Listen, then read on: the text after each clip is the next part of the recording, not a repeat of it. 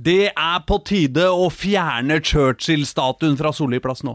Karl Johans gate, skiltene må fjernes fra hovedgata. Glem alle kjærlighetssanger du noensinne har synget. Dunk ned Munch-museet en gang for alle, og trekk Orions belte ned fra himmelhvelvingen. La alle tidligere hyllester i verdenshistorien slettes og settes opp på ny, bare til ære for Marie Dølvik Markussen og hennes perfekte spark på ballen i det 105. minutt på verdens første damecupfinale på Ullevål. Øyeblikk på Ullevål. Endelig, eh, Vålerenga endelig skal absolutt og uten tvil rive LSK ned fra tronen. Kampen er fortsatt spennende som faen, fram til Dølvik dunker ballen i krysset fra 25 meter. Herre min hatt. Så la denne Trikkeligaen episode 11 dediseres, dedikeres, eller hva faen det heter, til Marie Dølvik Markussen! Trikkeliga. Trikkeliga.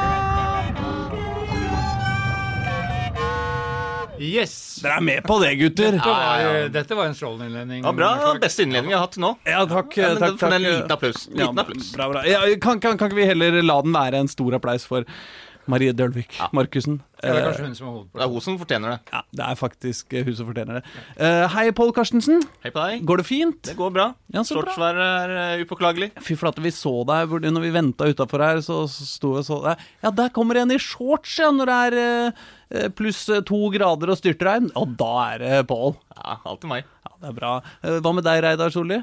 Han har akkurat tint opp etter sin vinterlige tur til Nammo stadion på Raufoss, som vi har snakket så veldig eh, nedlatende om i tidligere sendinger, mener jeg å ha hørt. Jeg kommer eh, tilbake med et strålende inntrykk. Fikk eh, alle årstider på kort tid, og tidenes avslutning. Så ja, nå er jeg sterk og klar. Bra, bra. Men skal vi begynne på Ullevål stadion? Fy faen, det er lenge siden jeg har vært på Ullevål stadion. Altså. Eh, Jeg, jeg tror ikke jeg har vært der siden, ja, siden Vålerenga begynte å spille kamper på Intility isteden. Men det var jo på en måte litt hyggelig å være tilbake. Ja, det var kjempegøy. Jeg var det på cupfinalen i fjor. Der var det litt, eh, litt flere folk når Vålerenga- nei, Viking slo eh, Haugesund. Var Litt flere folk og litt bedre stemning, men det var absolutt uh, kjekt i dag òg. på søndag. Ja. Ja, jeg greide å surre meg bort, uh, for jeg har i hvert fall aldri vært i pressegangene der. Og der var det mye rart, og heiser som åpna seg den ene og den andre veien, og en masse journalister som fløy rundt som forskremte høns. Men vi slapp jo i det minste å gå til mixed zone etterpå og prøve å intervjue disse folka. Ja, Det var heller ikke bare enkelt, for det var jo på andre siden, det var jo på Thon hotell, der uh, spillerne lå. Ja. Så da måtte du gjennom alle mulige ganger og mulige Det var masse folk som sa at ja, jeg tror du skal inn den døra der, og skal ned her, og så skal du ut dit, og så opp og fram og att, og ja, så videre og så videre. Spillerne gikk jo på sitt eget rom og dusja, og ingen som gikk og henta de. Og folk kom litt sånn hulter til bulter, og ja, det var eh, det kunne vært bedre organisert, Ja. men, eh, men, men. Men- Det, de viktigste kom. Jeg fikk snakke med Marie etter eh, kampen, og det, så hun var fornøyd. Ja, ja. Men eh, altså, kampen Hva, hva, hva syns du om kampen, Pål? Det var jo ikke, var ikke all verdens til kamp. Det var to lag som egentlig eh, kansellerte hverandre ut. Vi snakka litt om det i starten, at det så ut som at Vålerenga la om formasjonen til en 4-2-3-1 med altså, to dype midtbanespillere i Stefanovic og Sherida Spitze. Og så med da eh, Ayara og Njoya rett bak Rikke Madsen på topp. Men så sa snakka jeg jo med eh, Jack Marga Jensen etter kampen, og han sa at det var jo ikke, var ikke planen. Det var bare at spillerne fant ikke posisjonene sine, så det ble seende sånn ut. Så, øh, og det gjorde jo at det, var lite rytme, rytme i det. Men så tok jo Våle seg, seg i det. og De, de så jo selv eh, rommene som, som ble opp, eh, opp når de trakk inn kantene fra, fra siden. Og så åpna det altså rom i, i midten som de kunne eh, spille på. Så Vålerenga hadde jo hadde det meste av banespillet og de største sjansene. Med unntak da kanskje av at uh, hun ene Lillestrøm-spilleren der bomma på åpent mål ett minutt før slutt. Så Det var noen sjanser, altså. Hun er Håvi eh, på venstrekanten til Eller Ja, hun hun er kanskje venstrekanten, men altså, Emilie Håvi på- Emilie på LSK.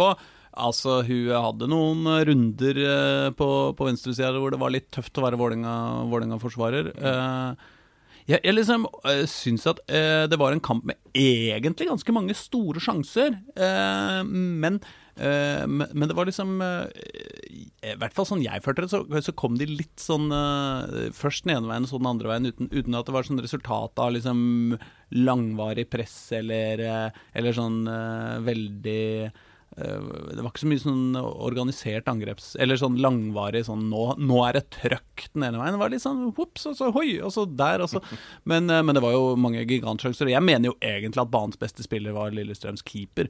Altså som uh, Vålerenga var vel aleine med keeper en tre-fire ganger i løpet av kampen før man endelig greide å skåre i det 102. minutt. Ja, helt på slutten av første 102. minutt, og så 150 minutt. Mm. Så. Ja, nei, altså hun, Ida Nordstrøm, som heter Lillestrøm-keeperen, gjorde en, gjorde en kjempe, kjempejobb.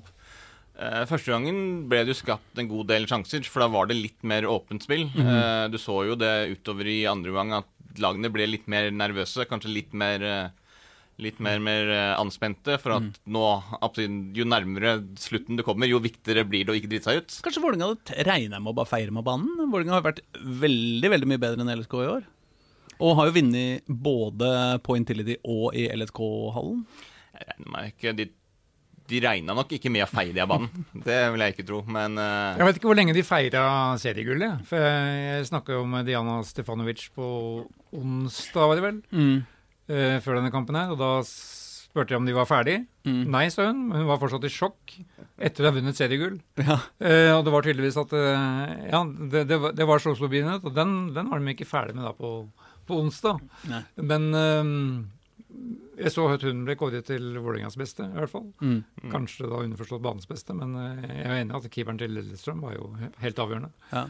Og Emilie Hove var jo også en Veldig, av, en ja, ja, Men ja. eh, det skal også sies at uh, siden sist altså, Vålerenga skulle jo spilt en uh, mesterligakamp uh, mot uh, Brøndby eh, på torsdag, og som ble avlyst fordi uh, Brøndby-spillere som skulle ha vært i karantene, ikke var i karantene, men likevel dro til Oslo, og dermed greide å presse fram en eh, en eh, avlysning.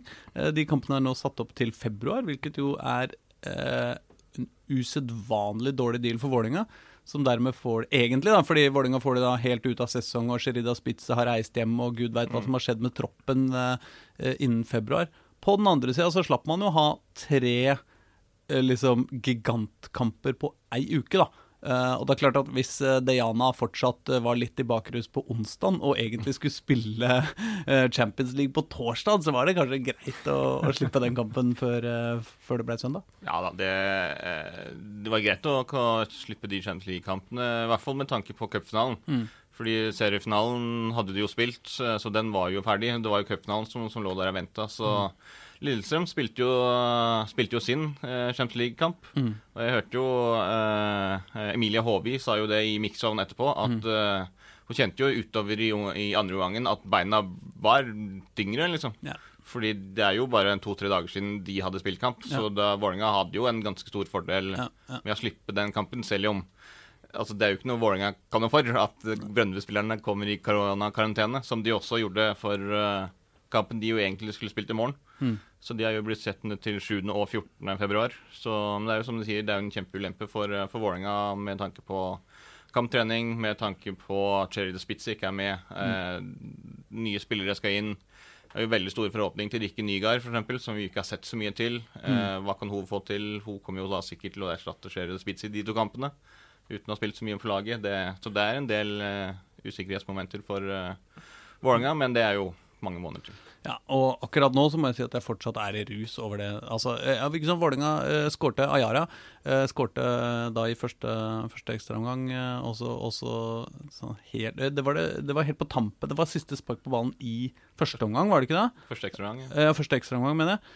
Eh, hvor eh, Dølvik Markussen Altså, hvis du ikke har sett det målet 20 ganger, så har du faktisk sett det litt for lite. Altså, det derre send-øyeblikket Altså, jeg, jeg er jo egentlig ganske sur på uh, TV-dekninga av norsk damefotball. Jeg syns jo direktesport er jo helt katastrofalt, uh, fordi det er så uh, triste kommentatorer og dårlige kameravinkler og få TV. Og NRK-sendingene også har vært på en måte mye dårligere enn det NRK kan levere på sitt beste. Men jeg må si at plasseringa av kamera akkurat før den skåringa til Dølvik Morkussen der, som er altså helt rett bak skuddet, så du ser hele ballens bane 25 meter gjennom lufta til, altså, til så perfekt oppe i krøsset at, eh, at det går ikke an å lime den bedre. Det fins ikke en keeper i verden eh, som redder det skuddet. Eh, altså uansett nivå. Eh, og, og liksom eh, Akkurat de derre de der fem sekundene, i hvert fall i sakte film, da, som den ballen er på vei er gjennom lufta der, hvor du bare sier Altså, det er det, Dette skal jeg skal, det, det, Dette kan jeg bare ha eh, som, som liksom i bakgrunnen over alt jeg går resten av mitt liv. tror jeg. Det, det er så vakkert. Jeg kan bokstavelig talt ikke huske noensinne å ha sett i uh, virkelighetens eh, verden et bedre spark på ballen enn Nei, det der. der. Jeg er enig i det. Jeg så jo også eh, Noen på Twitter hadde jo lagt den ut med, i slow motion med Titanic-musikken. ja, ikke det sant? er jo alltid gøy, for du, det er akkurat som du sier. Altså du får, når du får den vinkelen bakfra der, Mm. så ser du liksom at den bare stiger og stiger, og så ser du ut den går, å gå, gå litt over, og så bare dypper den Det går bare klink i krysset. Og det er liksom bare sånn til det crescendo og Nei, det altså Det er jo det er jo nok det beste målet jeg også har sett, uh, uh, har sett live, og Mm. sannsynligvis det beste målet som har skåret i en cupfinale noensinne. Men var det ikke, var det ikke også perfekt der dere satt, fra pressetribunen? Jo da, jo da, jo da, vi- satt, dere fikk vel da også den skåringa rett bakfra? Vi, vi fikk den akkurat For det er jo da minner meg om da det som alle mener til nå har vært den største skåringa på Ullevål under cupfinale. Mm, Peder Egil Lahlsens klassiker mm. fra 1984. For da var jo pressetribunen på motsatt side, og da var det akkurat det samme. Vi satt rett bak det frisparket ble tatt. Mm. Og det gikk da, det var jo fra 30 meter og gikk som et prosjektil opp i Erik Thorsvedts venstre kryss. Mm. Som alle vet har keepertapet. Eh, men det var jo da mm, i først, først Det var spilt to finaler, da. Det var jo omkamp. Det var jo mellom Viking og Fredrikstad. Så dette var um, Dette var skåringa også, også i ekstraomgangen, da. På, Mm. For Fredrikstad. Som, da, en kamp som endte 3-3, og så ble det omkamp, og Fredrikstad vant uka etter. Ja. Men uh, Per Egil Olsen har liksom levd på den skåringa siden, Ja. og blir stadig med på den. Ja. Men jeg syns jo det som er tilleggsdimensjon her også, er jo at at uh, Dølvik Markussen har jo også et par dragninger før hun skyter. Mm. Vi tar jo av et par spillere, og så kommer skuddet etter det. Og det, det gir jo en ekstra dimensjon, da. Absolutt. Åh, nei, det er, det er, det er altså, det, det, altså vi, vi satt jo bare og lo Ja, på ja. pressetribunen der, altså i sjokk. Det var jo helt Det var jo helt dust. Jeg har aldri sett Det er noe. en grei måte å avgjøre en cupfinale på. Ja. Veldig grei måte. Og Og veldig bare, la, vi bare legger den død. Nå har vi vunnet. Ja. og vel, ja, en, et lite sidespor. da, Også veldig grei avslutning for en sesong som har vært helt Nord-Norge-dominert. Altså, Bodø-Glimt vant serien, Tromsø vant uh, førstedivisjon. Mm. Og så er da Dølvik Markussen, som er fra Tromsø. Mm. Hun spilte da faktisk for uh, Stakkevollan Mm. da hun uh, ble fotballspiller, før hun gikk til Stabæk. Mm. Men uh, det er veldig mye Nord-Norge i år. Altså, hun kom jo inn som innbytter. Altså, bare det er jo en skandale. Jeg skjønte jo på mm, Jack sa til deg at uh, hun var jo kraftig vurdert som førsteelveren. Det var helt Ja. tilfeldig at hun ikke, ikke starta, egentlig. Det var mye eh, grunn Altså, sånn, hvis man har et, den der jeg variasjonen med formasjonen, som man jo Mm. kanskje ikke egentlig helt tenkte, eh, var jo mest fordi eh, han sa det jo også at han så for seg at det kunne bli en kamp som gikk eh, både 90 og 120 minutter. Mm. Han visste jo at flere av de danskene som kom inn på laget igjen, som hadde vært i koronakarantene, sannsynligvis ikke holdt 90 minutter. Mm. Og Derfor så ville han også ha noen på, på benken for å kaste inn, slik at han ikke brukte opp alt kruttet med en gang. Mm. Sånn at Hvis han hadde alle de beste spillerne på banen samtidig, og da skulle bytte seg dårligere i løpet av kampen, så ville han heller ha da en type sånn Sigrid Hein Hansen, som også ble, ble, ble vraka, kom inn etter en time, Mm. og Maria som kom inn i 82. minutt. Eh, og for at laget skulle holde oppe det, det nivået da, utover kampen når Lillestrøm ble mer og mer slitne.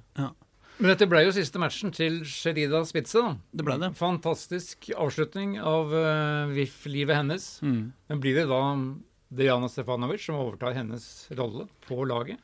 Nei, Rikke hvordan- Nygaard er det Jack Margaard Jensen. Jeg har spurt om han et par-tre ganger. Og Ja. han, han er, hver eneste gang jeg snakker med han om hva skal du gjøre nå, så er det ett svar, og det er Rikke Nygaard. Rikke Nygaard er svaret. Mm. Så altså eh, Som han også sier, dere har ikke fått sett så mye av henne ennå, fordi vi har prøvd liksom å tilvenne henne litt eh, Litt rolig til det, men eh, jeg kan ikke si at jeg har hatt så mye større forhåpninger til en kvinnefotballspiller noensinne enn Nei. det jeg har et, til Rikke Nygaard, når, Mm. ettersom at Jack Margaard Jensen har skrytt så mye av, eh, av den type spiller hun er, og at hun er perfekt for den spillestilen, hun er perfekt for det hun vil oppnå.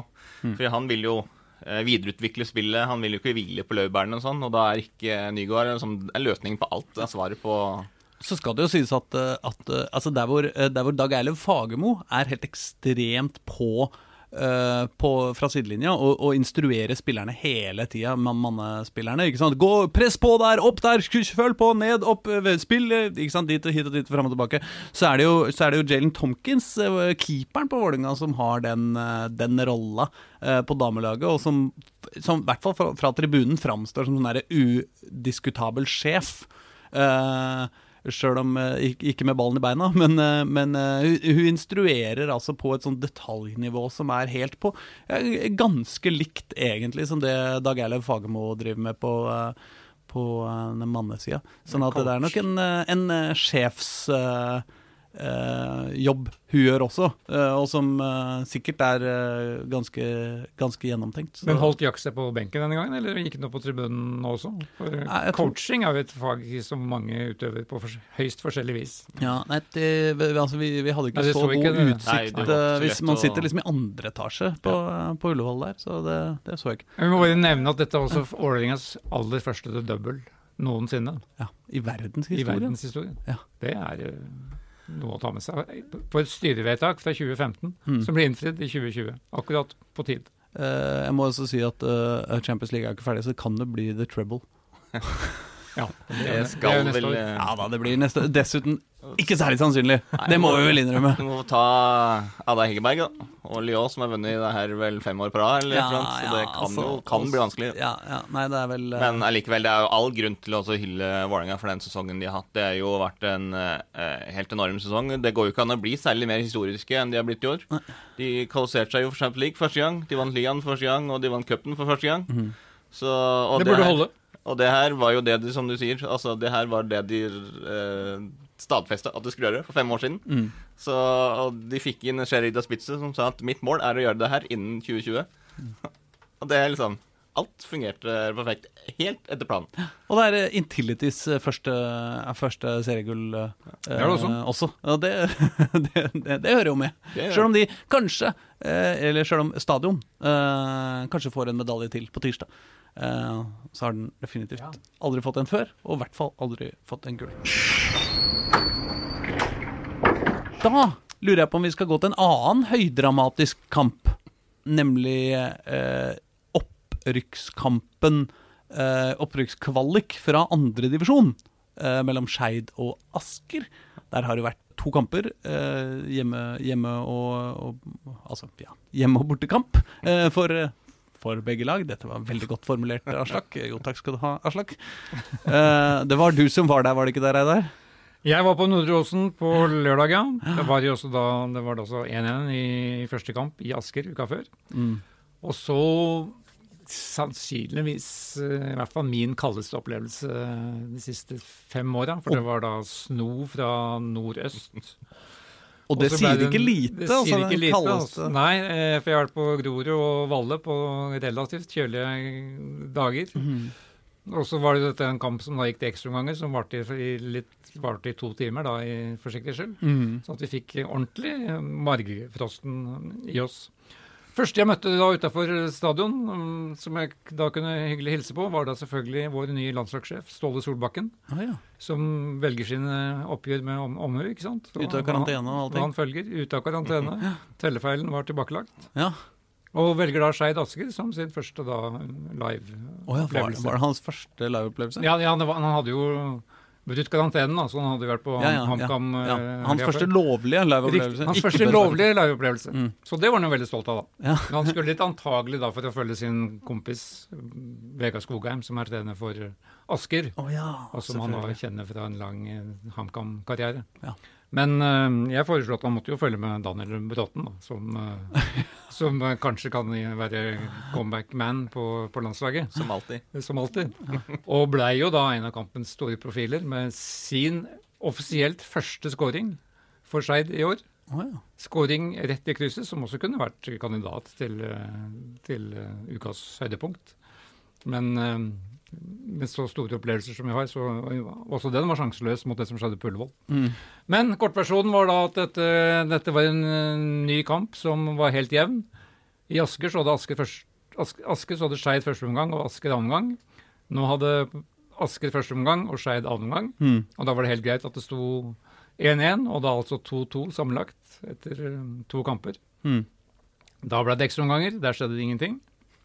Høydepunktet var da Daniel Bråten, som sagt, eh, som utligna for Skeid eh, 10-12-15 minutter før slutt. På et sjeldent skudd i krysset fra han- som igjen spilte midtstopper for Skeid. Eh, men kampen da gikk da til straffekonk. Ja.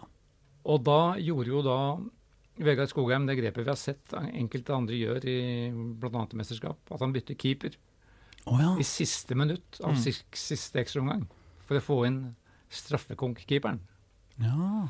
Og det medfører da at, uh, at uh, Skeid setter ett skudd i stolpen og ett skudd over, mens Asker skårer på alle sine. Mm. Og denne karen som da kom inn, som heter da Vegard Pedersen, og som Skogheim sa, han er, da fikk vi 10 cm høyre keeper, 15 cm bredere keeper. Da blir målet mindre. Dette var veldig enkel logikk. Han, sa, han, skal, han skal ikke påstå at det ble avgjørende, men to skudd ble da pressa ut. Han redda jo ingenting, men ett skudd gikk i stolpen, det gikk- over. Og da var det honnør til uh, Vegard Pedersen. Mens uh, det ble da, ditt og nedtur for Skeid-keeper i- Idar, uh, Idar Nordby Lysgård, som uh, hadde noen kjemperedninger i kampen, Mm. og som for, så for seg å bli den store straffehelten. Men dessverre, det holdt for Asker å sette fire skåringer, og det, alle sammen gikk inn. Og de var veldig gode. Det var, han kunne ikke tatt noen av dem. Så helt greit at Asker gikk videre, sånn sett. Men Skeid hadde de største sjansene i annen omgang, og mm, over tid Nei, over de to kampene hadde nok de største sjansene, men eh, det var en helt jevn kamp, hvor da den gamle Kastrati, som vi stadig har kommet tilbake til, Fitim denne gangen, ja. skåra Askers mål tidlig i kampen. Ja. Med fortid i Skeid, selvfølgelig. Var, føltes det litt urettferdig, liksom? Eller føltes det greit? Nei, jeg tror alle, altså det føltes greit faktisk for alle. Altså Greit var det ikke for Skeid, eh, de var jo skuffa der og da. Ja. Men det tok et kvarter, så var de egentlig ganske fornøyd med sesongen. Ja. Og det viser seg at de har jo hele vinterprogrammet klart, og alle treningskamper er avtalt. og en måned fri, og så vil de kjempe i toppen i andredivisjon neste år òg. Ja, fordi jeg, jeg fikk inn et spørsmål her fra Oslo Ultras på, eh, på Twitter, som sier at se, mange er veldig stolte og godt fornøyd osv. om Skeid dette sesongen. Og det er greit å støtte laget de har stått på, men sannheten er vel at Skeid som klubb underpresterer ganske stort. Ja, feilen var jo at de rykka ned i fjor, fra Obos. Ja, det, det, var, det var dårlig Det var tenkt. tabbe. Det var tabbe. Det var tabbe. Og, og det var jo marginer som gikk vanvittig imot dem da i fjor. Hvor Ja. de da ikke hadde hjemmebane stort sett noen gang i løpet av sesongen. Mm. Det er Nå er jo- det et stort spørsmål om de får hjemmebane neste år, men det, det er en annen historie. Mm. Men det er klart Skeid som klubb skal være i divisjonen over. Det, er- det er helt riktig. Kanskje til og med enda en, eh, enda en divisjon eh, over der igjen. Jeg spurte Gard Holme, altså Skeid-treneren, om Mm. en terningkast, og han Mm. sa en, en god firer. Mm. Altså, På fire- kampen eller på sesongen? Fire pluss på sesongen. Ja, altså Jonny Normann Olsen eh, svarer også på, eh, på Twitter at de mista sju-åtte mann fra førsteelveren i vinter. Ny trener med ny spillerstil. Signeringer stort sett fra andre og eh, divisjon, pluss eh, dette hjemmebane banegreiene. Ja, så de, de, har hatt en, de hadde, hadde en veldig bra høstsesong, og er vel det eneste laget som har, eh, som har eh, holdt Fredrikstad. Mm. eh, som ble en suveren vinner. Altså, Mm. De spilte uavgjort mot, mot dem i den siste kampen, og, og mm, vant tapte 1-0 i Fredrikstad, i noe som, en kamp som selv Fredrikstad Blad karakteriserte som et ran fra Fredrikstads side. Oi. Men eh, Nei, så Skeid er nok totalt sett, og det virker som supporterne også, er fornøyd med sesongen. Mm. Men uh, det vil bli forventninger om opprykk neste år. Ja, Helt klart. altså vi, vi, det, Vi hadde skal kjempe i vært. Det hadde vært eh, Altså for, for oss som er glad i Oslo- Oslo-fotball i Obos, eh, så, så er det jo bra at det fortsatt er to. Ja, ja. Ja, ja. og Vi snakka jo med K5-trener Jørgen Isnes Mm. på søndag, og han, han var jo, beklagde jo veldig at ikke Skeid hadde klart det, Asker da. Men Så han eh, måtte sende en trøste-SMS til Daniel Bråten, som han kalte en legende i Oslo-fotballen. Det er han jo. ja, Han gjør jo som han vil. Det Han gjør sånn akkurat som han vil. Det er det skåringen hans òg. Det var sånn Skal vi skåre litt mål, da? Ja, det var godt. Og så bare Satt satte han på et og så bare klinka han i krysset. Jeg tar en tur i angrep, jeg. Ja. Altså Det minner meg jo egentlig om eh, Kjetil Rekdal eh, i sin siste tid i Vålerenga. Eh, fordi han, altså som spillende Eh, for da, da var han jo også en sånn, sånn type fyr som ikke nødvendigvis spilte så bra alltid, men, men du så det i øyet hans før han kom til å score. For når han ble, virkelig ble forbanna og tenkte 'Nå skal faen skåres', så bare gjorde han det. Og det er typisk sånn der, den der klassiske nedrykkskampen mot uh, Sandefjord eh, på, på, Intility, nei, på, i Valhall, som var så kaos og fram og tilbake, og, og hvor Vålerenga så vidt uh, redda seg, og alle gråt og det greiene. Det var sånn der, typisk sånn der Kjetil Rekdal bare bestemte sånn og skal inn. Men jeg føler at i motsetning til Daniel Bråten, som jo uh, jeg føler mer som sånn Nei, hadde det ikke vært trivelig å skåre mål? Da? Jo, kanskje skulle skåret mål. De bestemmer seg begge to, på en måte, men han ene gjør det med, med sinne og hat mot ballen og nettet til motspilleren og alt, mens den andre er liksom mer sånn Ja, jo, det har vært kult. Ja, da, han, men han kan få et kick, da, Daniel, om at han plutselig bestemmer seg for at nå vil jeg ha ballen, Mm. selv om det ikke er i noen målposisjon. Mm. Og da kan han løpe 80 meter, Mm. og da får han tak i den ballen. Ja. Det, det skjedde i forrige hjemmekamp, husker jeg. Og det, sk- det førte ikke til noe som helst. Mm. Men han fikk et sånt kick. Den ballen skal jeg ha. 80 meter rett fram. Ga seg ikke. Fikk ballen, og så fikk sendt den til en annen. Om han da kommer neste år han, Nå blir han jo 39 neste år. De, de forventer jo ikke han eh, Jo, jo, jo. Vi at forventer han er Daniel med. Bråten. Men, Men, men som sier, ingen, ingen vet jo hvor Daniel hopper. Han tar en Eh, sesong til. Han har vel tre, han har jo kommet på treninger sånn eh, ettersom det har passa han, Mm. har jeg inntrykk av. Men holder seg i form. da, Han er jo sterk som en bjørn fortsatt. Men som Gard Holmle sa, vi veit i mars om han blir med neste år eller ikke. Men det er fint. Han kommer an vet du, når det blir, uh, Ja, ja. blir grønt, uh, grønt i gresset, holdt jeg på å si. Hvis de får lov til å spille på noe gress. Neste stopp Grorud. Men dere, vi må videre, og nå må vi til Obos-ligaen, altså. Uh, og da lurer jeg på om vi kanskje skulle begynne på Åråsen, jeg. Eh, Det kan vi gjøre. Kunne det passe? Jeg har jo, det var jo, vi hadde jo vår mann Jørn der, så jeg snakka med han, da. Ja. Da gror Grorud måtte Ja, er jo denne kabalen Hvordan eh, hva som man måtte til slutt, det Men eh, husker jeg snart ikke, men det var jo Grorud var i hvert fall en veldig pressa situasjon. Ja. Veldig presset situasjon, og, og, og det er klart Ja, med tap så hadde de vel havna på Tap hadde de havna på kvalik, På- på og hvis uh, Charles Blink hadde skåret ett mål til, så hadde de havna på Kallik. Ja. Det var liksom alle, nesten alle mulige tenkelige scenarioer, bortsett fra den som endte med. Ja. Endte med at de uh, holdt seg. Og så gikk jo da Lillestrøm, skjønte jeg, i strupen på en fraspark og hadde en scoring inne tidlig som ble annullert. Uh, men så klarer Dag Rorud å kjempe seg inn i matchen, og så Mm. er det da igjen vår mann i gåseøyne, Oskar Aga, som vi Ja. hadde en eh, forelesning om forrige gang, Ja. som satte da det straffesparket som sa, ga Grorud 1-0. Mm. Og så, ja, så, som du sier, så er det jo da avhengig av hva som skjer i andre kamper. Og så må de holde den ledelsen, og så gjør de ikke det. Og så skårer Lillestrøm ett minutt før slutt. Mm. Og som Erik Kjønø sa til oss, han ble rett og slett kvalm. Mm. Han kjente liksom alt komme opp. Skal det nå ryke på overtid? Alt de har bygd opp. Og så får Lillestrøm én kjempesjanse til på overtid. Hvis den går inn, så er det ned. Eller så er det til kvalik. Ja. Men den går ikke inn. Og da gikk Erik Kjøde nesten i svime, Sånn. Mm. Men Grorud klarte det, og har gjort en um, Ja, det er en fantastisk følelse de har da, etter denne høstsesongen som har vært veldig berg-og-dal-bane. Ja, det har vært vel mest ned.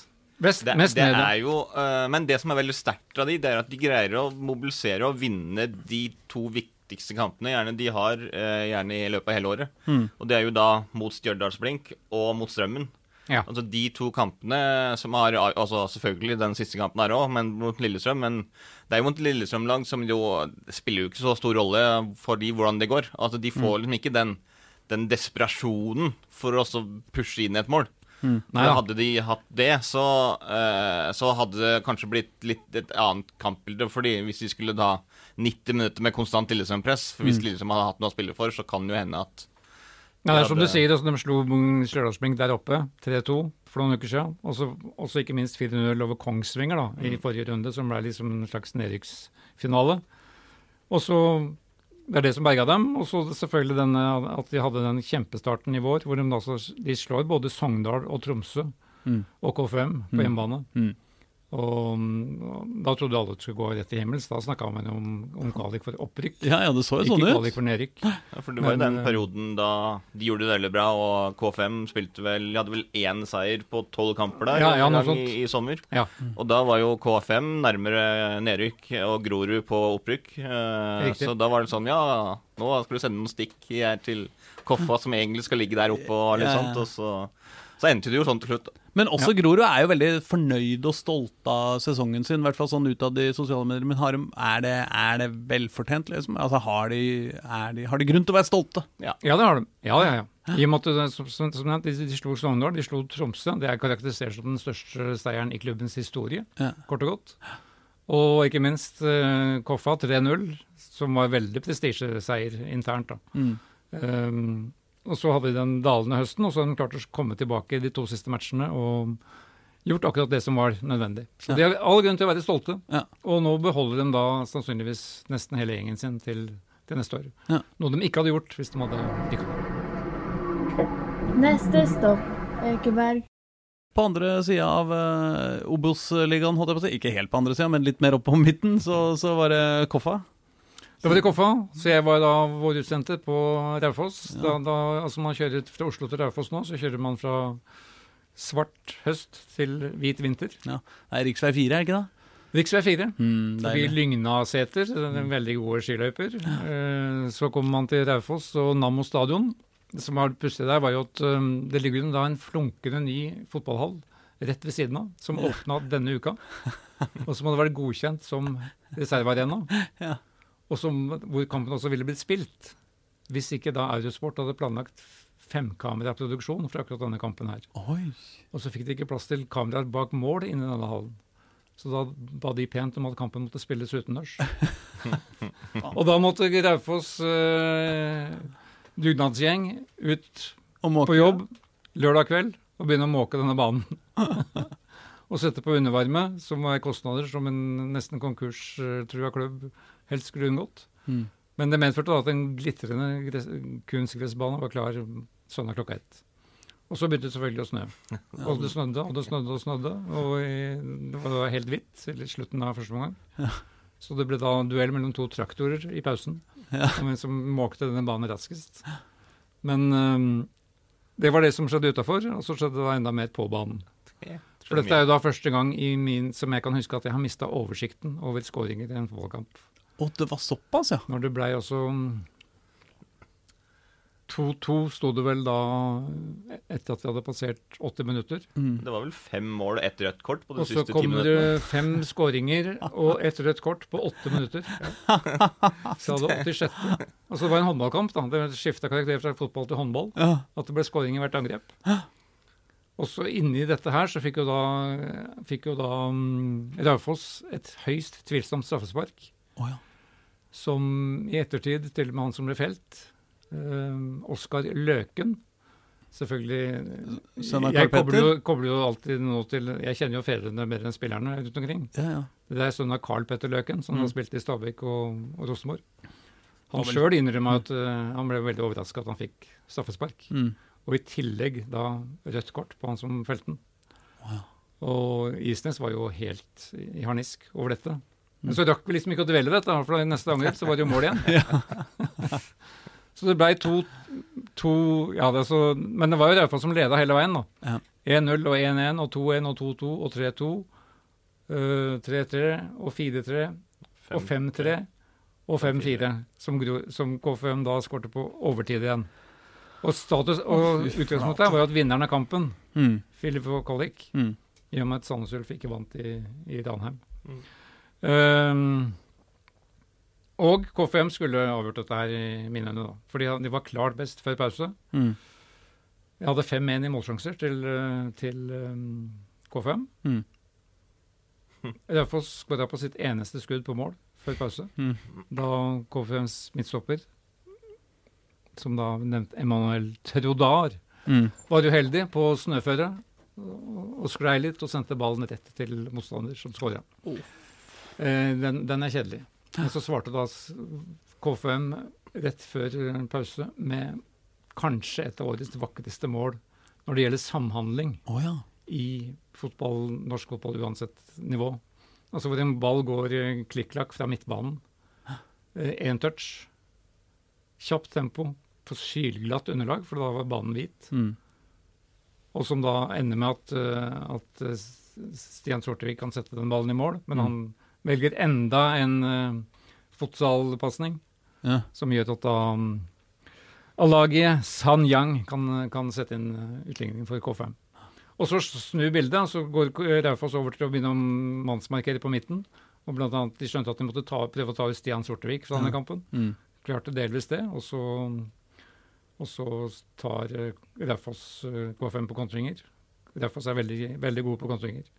Hvor da en annen annen sønn av en gammel far, selvfølgelig.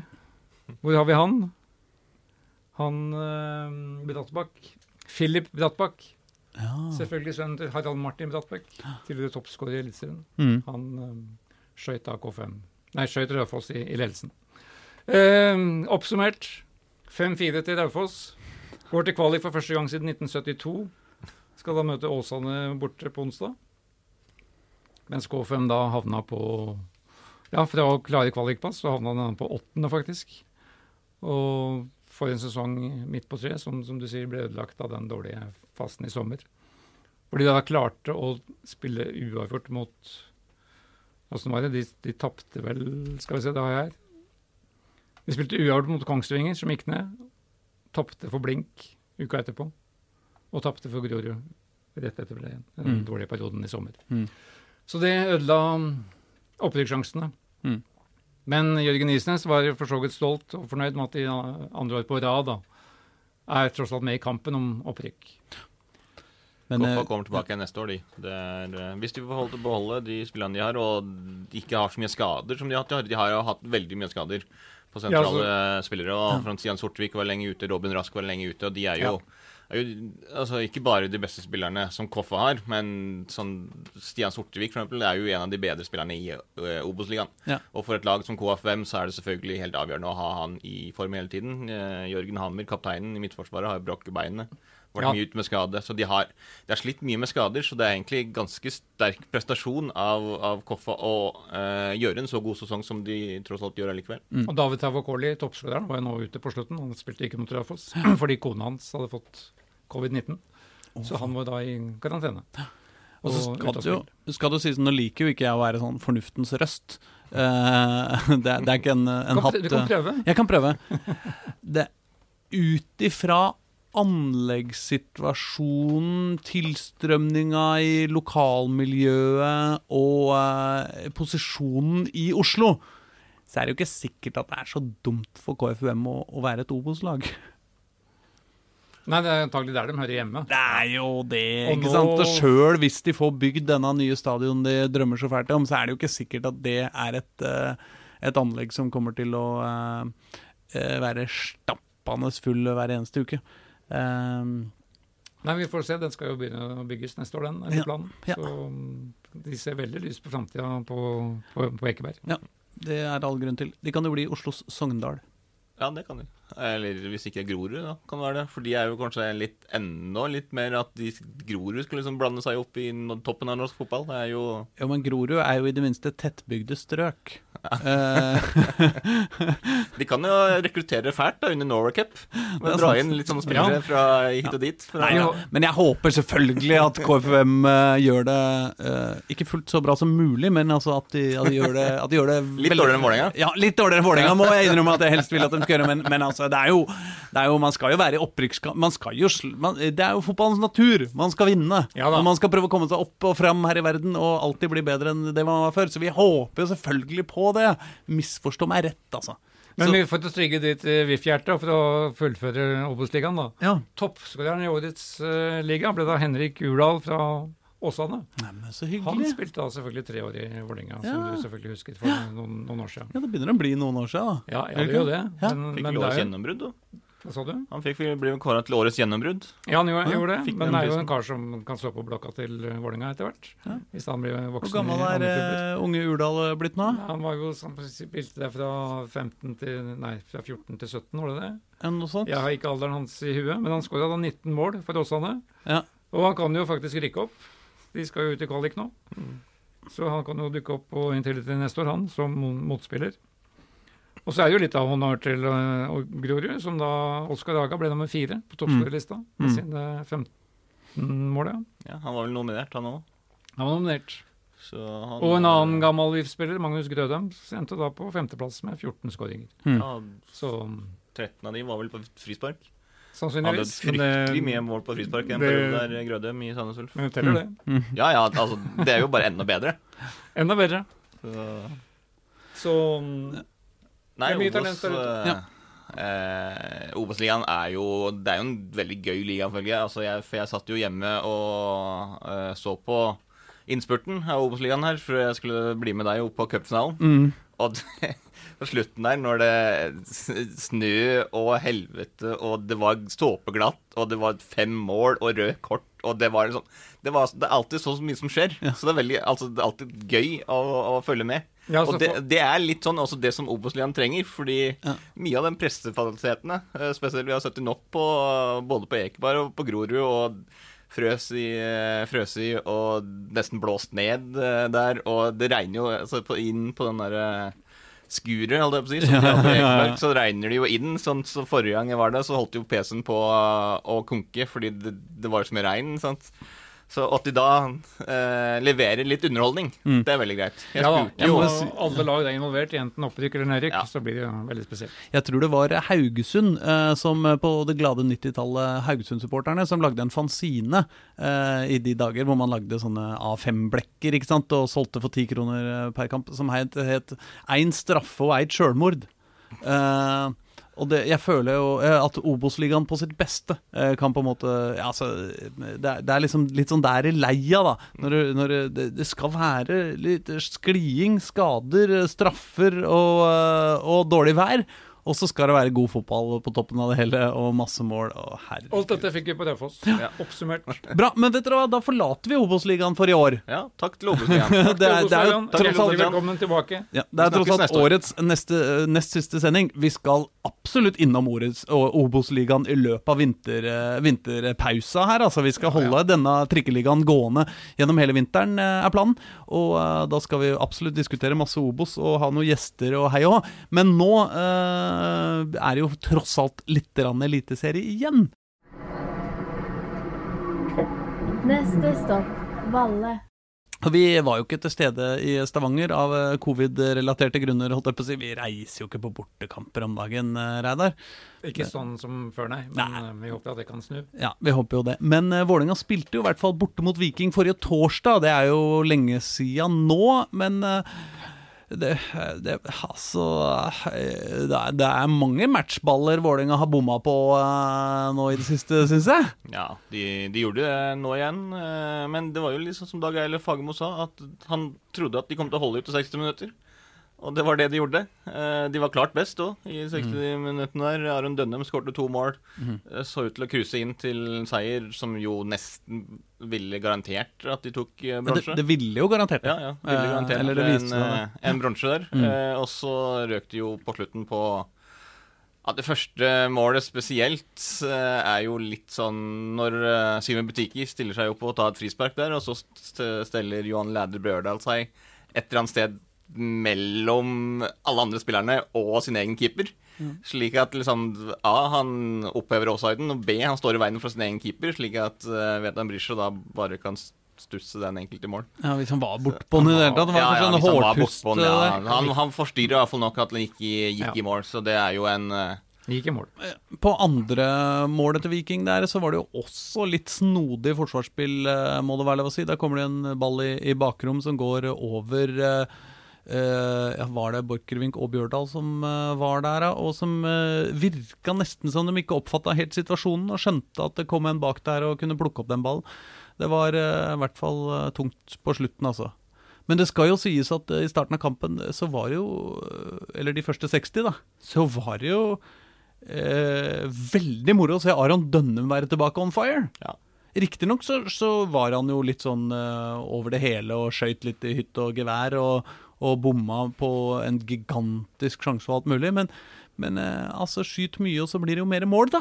Ja, det her, ja, og den treningsintensiteten har Eller all, all jobben de har gjort med han da, på treningsfeltet de siste ukene, ga jo utslag, da. Mm. Ikke skyt med idiotens kraft, men Mm. prøv å plassere. Mm. Og det har han jo da tatt litt til seg, Ja, nå har han skåra tre på to kamper. nemlig.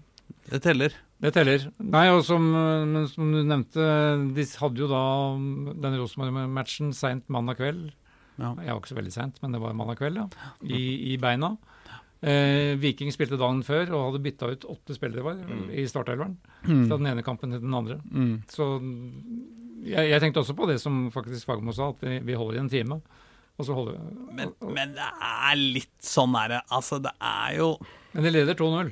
De leder 2-0, og de har jo faktisk Det fins en sånn ordning eh, i eh, norsk fotball, og egentlig i all fotball, eh, som heter innbyttere. Som gjør at man kan sette ut spillere og så ta inn noen andre med friske bein. Litt sånn for, Ja. å, for å unngå dette problemet med men, og, og hvis man er veldig veldig opptatt av at spillerne sine kommer Hvis man til og med har regna med på forhånd at uh, Vålerenga kommer til å tape noe jævlig på slutten fordi at uh, man er så slitne, så, så er jo et par spillere på, på benken der som Da kunne man jo kanskje kjørt inn noen eh, Altså Man kjørte jo inn, kjører jo inn Kjartansson helt på slutten, etter at Matti Williamson, og, eh, egentlig ganske overraskende, har fått spille hele Altså nesten hele kampen.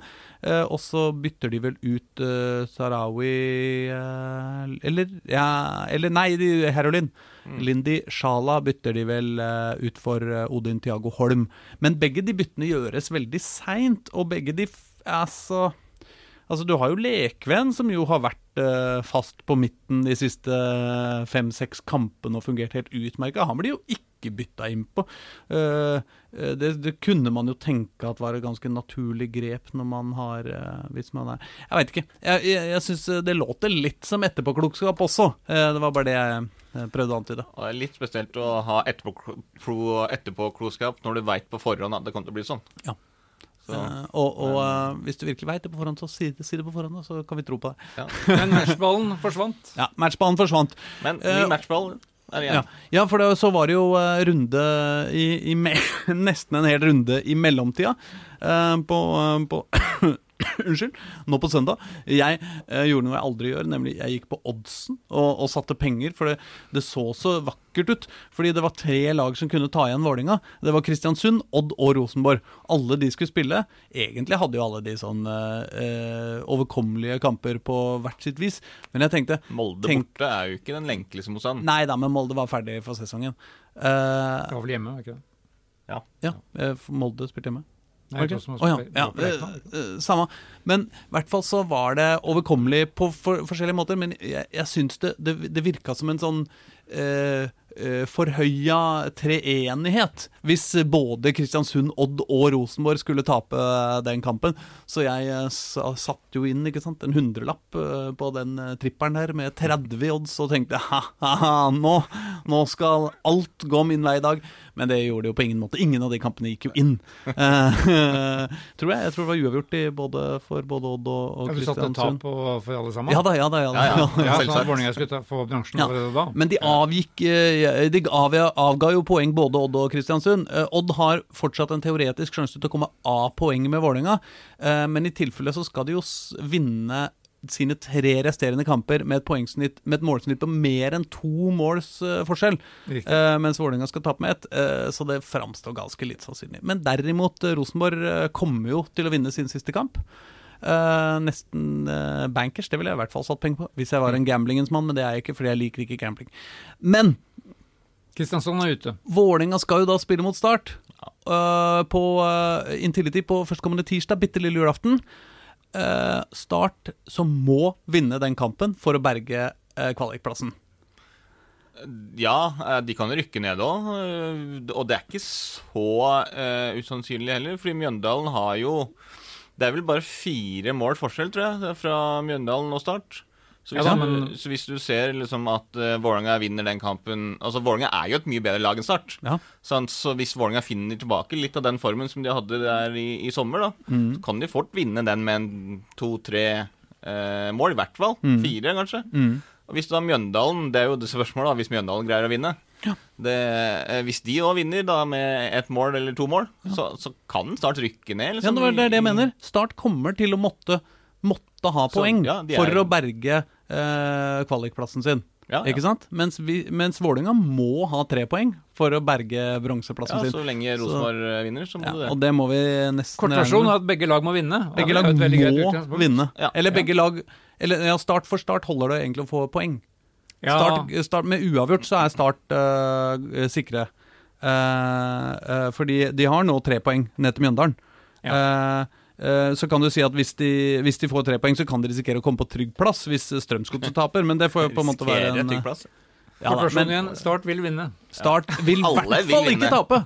Vålerenga vil vinne, Start vil vinne. så det kommer jo til å bli et uh, helvete Men av en hvordan takler dette Vålerenga? da? Altså, deres erfaring med matchballer er jo ikke uh, veldig god. Nei, Men, De eh, beste til når, når ting skal avgjøres. Da er liksom ikke, da er det ikke ofte Vålerenga som er best. Nei, og Vålerenga har vært dårlige mot Ålesund, som skal være overkjøring. eh, og, eh, og har på en måte ikke og vært pressa mot Mjøndalen også, som eh, jo også skal være overkjøring. Eh, så, så eh, ikke sant Og nå kan du i hvert fall ikke skylde på slitne bein, for nå får de altså da halvannen uke på å forberede denne ene matchen på. Ja.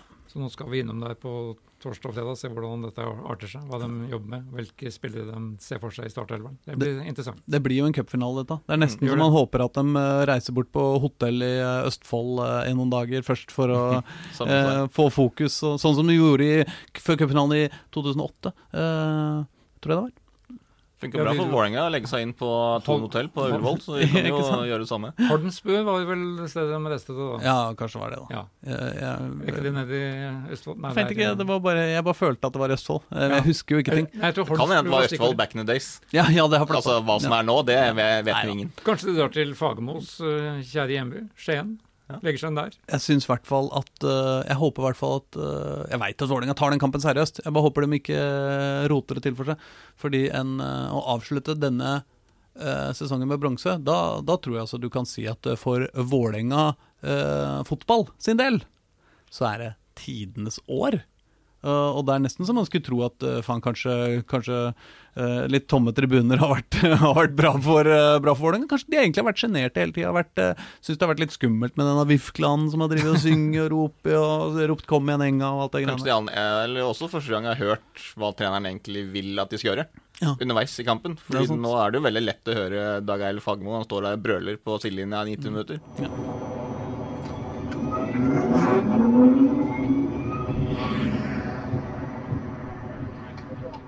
Dere, vi har eh, et par små ting eh, til før vi, uh, før vi skal gå hjem. Det ene er et spørsmål fra Krisepsykiatri på, på Twitter. Han skriver Har Kjelsås noen talenter på gang? Som Vålerenga ikke veit om, så de kan gå til Sarpsborg, Moss eller Hødd i stedet?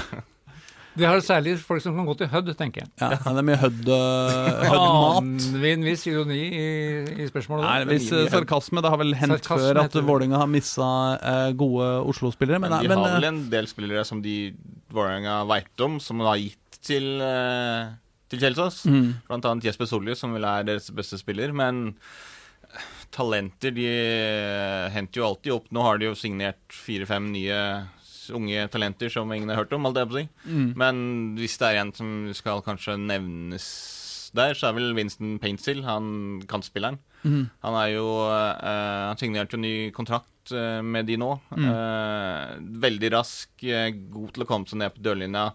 Kan finte begge veier.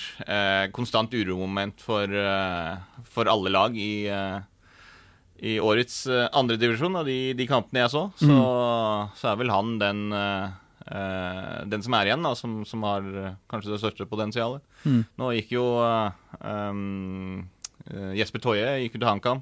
Ja. Eh, Ulrik Mathisen gikk jo til Lillestrøm. Så da eh, To gode spillere for de. Jeg skjønner spørsmålet. Det utvikles ting på Oslos tak som de noe feilaktig kaller seg, men eh, det får de få lov til. På den andre sida så skal vi kanskje ikke rakke for mye ned for, eh, på Vålerenga for satsinga på lokale spillere akkurat i år, når vi har eh, både Eidsvoll Aron, eh, Hauke 2 Osame, Lille Tøyen Kristoff... Nei, Kristian og, og, og Vålerenga Ivan fast på laget. Så, så Så, så er det vel kanskje greit om en og annen Kjelsås-spiller går til Hødd likevel. Ikke for Kjelsås, Nei, kanskje. det er sant. Ukas uh, faste spalter. Ukas prestasjon. Altså, det er, det er ikke noe å diskutere. Vi har vel diskutert det nok, Ja, egentlig. Vi har ja, vi snakka har vel nok om den, men, Men kan eh, jeg bare si det en gang til? Ja. Marie Dølvik Markussen, fy faen i helvete, for et spark på ballen!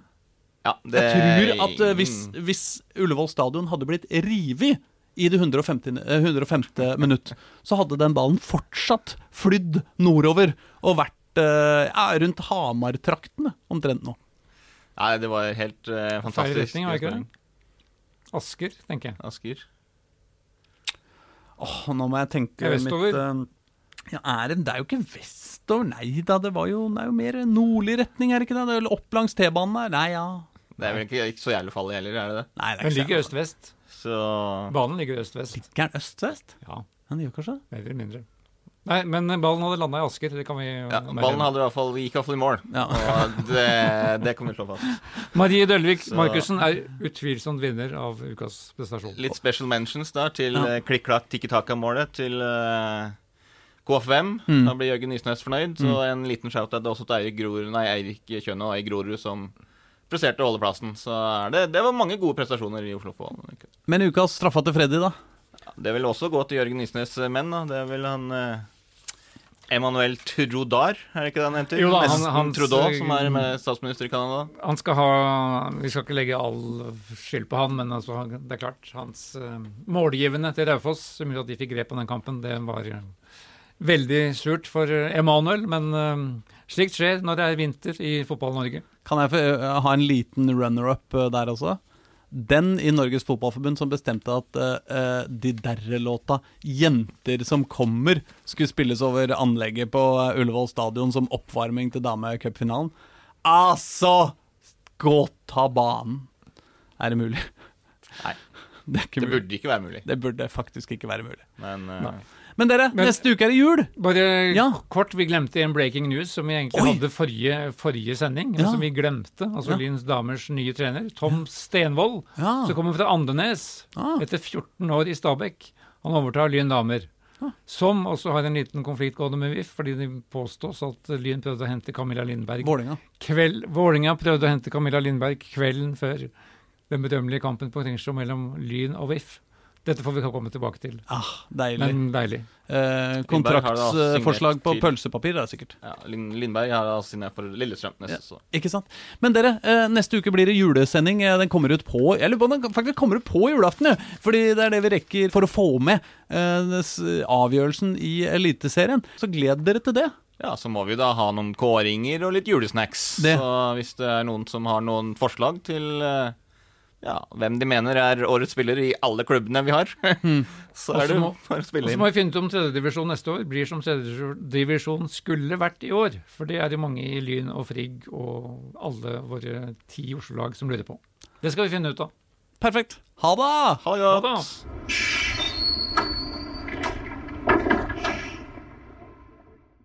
Du har hørt en podkast fra Dagsavisen. Ansvarlig redaktør heter Andreas Heen Haaland Karlsen.